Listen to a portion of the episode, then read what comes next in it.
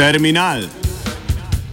Vedno različni, nikoli isti, reš kolumnisti, isti, isti, isti, isti, isti, isti. Še eno standardno besedilo. Vsi, ki se resneje ukvarjamo z jazzovskimi godbami, oziroma nam je blizu razborljiva zgodovina jazza, poznamo moč in pomen izraza standard. Gre kratko malo za izvedbo že znanega gradiva, pri čemer se izvedba potrudi za tak ali drugačen presežek. Zveni preprosto, to da ni. Zakaj standard lahko kaj hitro izveni tudi zaprašeno, evocira neke davno minule čase, se ne premakne iz nekdanjosti k sami muziki in nje intenci pa ne prispeva čisto ničesar. In natanko v tem, če mi razburljivost jazzovskih godb. Tukaj se jazz v grobem deli na dvoje. Z ene strani imamo tako večinsko izvajanje, ki rado ugaja in je neotradicionalistično, revivalistično, torej predmoderno, z druge pa manjšina v svetu jazza zmerom rada poišče nov, svež sound, kako rečemo. In pri tem tudi stare, standardne reči zazvenijo, kakor da so nastale šele včeraj, ne pa predvčerajšnjim. Poudarek je kajpak na manjšini. Godbe v večini tega koraka ne morejo narediti, zato jim tudi rečemo, da so večinske. Poslušalstvo se pri njih počuti varno, a pri tem ne zazna, da je z njimi ured potopljeno v zamrznjen svet, v svet nenehne sedanjosti. Podkrepimo ta razloček z izvrstno kritiško ugotovitvijo, ki je pospremila izid albuma Air Lore. Leta 1979 je namreč slavni čikaški jazzovski trio Air, pihalec Henry Treadgill, kontrabasist Fred Hopkins, bobnar in tovkalec Steve McCall, posnel ploščo, na kateri izvede predvsem Jelija Roll Mortona in Scotta Joplina. Spopade se torej s klasiko, s standardi. To je naredilo in še zmerom dela precej zasedb, posameznic in posameznikov, to da malo kdaj tako suvereno, svobodnjaško. Kritik Tom Jurek je za album zapisal takole. Album Air Lore ne postavlja stare muzike v današnji čas pač pa se z njeno rabo osredotoči k revolucionarnim improvizacijskim modelom, kakršne ta muzika nosi v sebi že s časom, ko je nastala. Konec citata. Na tej točki se umeša ekonomska znanost.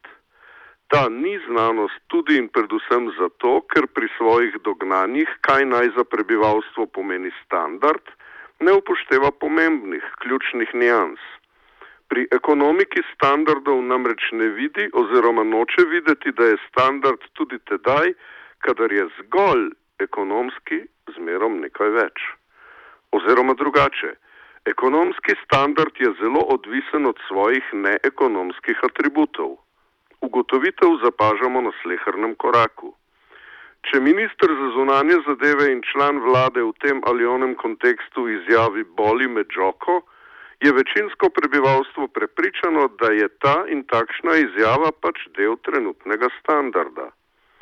Ko prebivalstvo sliši kakšno nebulozo Donalda Trumpa, mu nezavedno prišepeče, da je to pač trenutni preživetveni standard in se še samo obnaša v skladu z njim, torej popusti, nasede popustu, če lahko tako rečemo. Večinska miselnost se pridruži novim interpretacijam standarda in pri tem sploh ne pomisli, da s svojim pristajanjem na tak standard ogrozi tudi njegovo ekonomsko pojavnost. Ko se v novi standardizacijo združijo šminkerske in kmetauzerske moči, kakor zapažamo in živimo v današnjem času, teda je razlogov za alarm že kar precej padec standarda se najpoprej zapazi pri jeziku. Prebivalstvo na lepem sploh ne goji več jezikovnega standarda, pač pa pomeša vse njegove ravni. Docela vseeno mu je, ali je del izjave v žargonu, naslednji del v slengu, potem sledi več pomešanih nareči, celota pa ne zdrži več nobenega standarda, ni konsistentna. In prav v tem je težava standardizacije oziroma iskanja nekega jezika, ki bi naposled lahko pometel s slabimi zgledi, se drži le še manjšina. Samo še manjšina je namreč ta, ki se zaveda, da je vsak standard del natanko tistega ekonomskega standarda, ki bi si zanj tako rado prizadevalo. A si očitno že v osnovi ne more. Zguba oziroma padec ravni humorja je pri tem le kolateralna škoda, celoten manjko pri standardu potem zazveni, kakor nekakšna vnaprejšnja zmaga šminkersko-kmetavzerske koalicije. Prebivalstvo je upehano, a pri tem ne ve, da bi prav zauzemanje za standard lahko precej pripomoglo k odpravite upehanosti oziroma povišalo standard. Tega ne vedo niti v slovenski filharmoniji, če se vrnemo k muzikam. V svetu klasične glasbe je standardi seveda precej drugače, kakor pri jazzu, a vendarle. V mladosti sem rad hodil na koncerte simfonične glasbe, dokler nisem imel priložnosti na koncertu slišati Dunajske filharmonije, koncert Hebov orkestra iz Amsterdama in državne kapele iz Dresdna. Da, k sreči ali na žalost prav te tri. Tedaj mi je kapnilo, da pri nas v glavnem slišimo povprečne izvedbe, le parkrat na leto se kdaj morda kaj posreči. Razlika je že v prihodu na oder, v tem, kako glasbeniki glasbenice sedijo, Predvsem pa se pri nas reči v grobem le preigravajo, zelo malo se igra. Le zakaj bi bil človek kot študiran muzik nezainteresiran za igranje?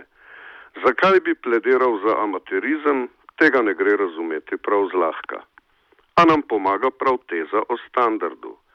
Če ne veš, kako pomemben je standard zate in za vse prebivalstvo okrog tebe, potem ti je najbrž res vseeno in te lahko res boli džoko še malce morale, tako prisrčnega postopka v današnjem medijskem svetu.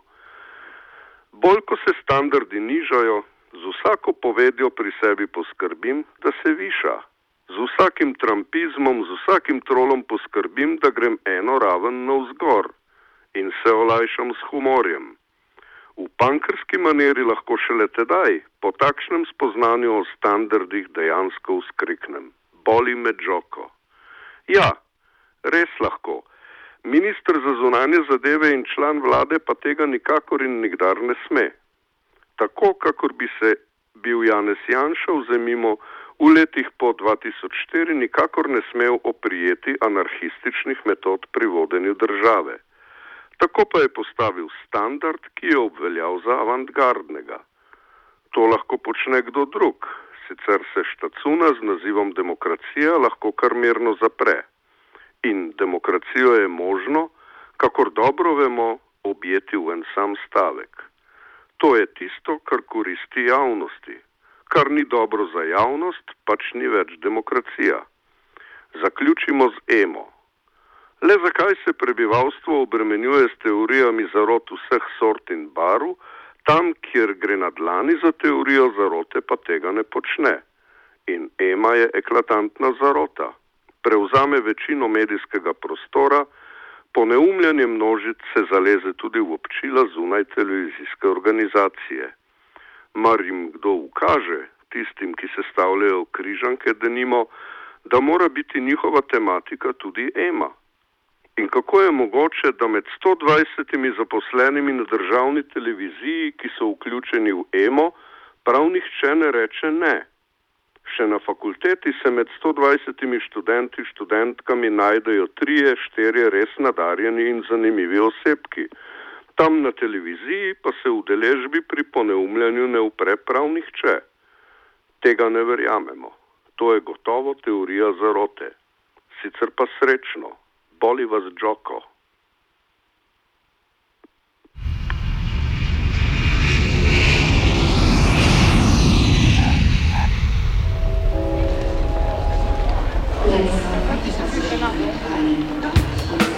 Terminal. Vedno različni, nikoli isti, reš kolumnisti, isti, isti, isti. isti.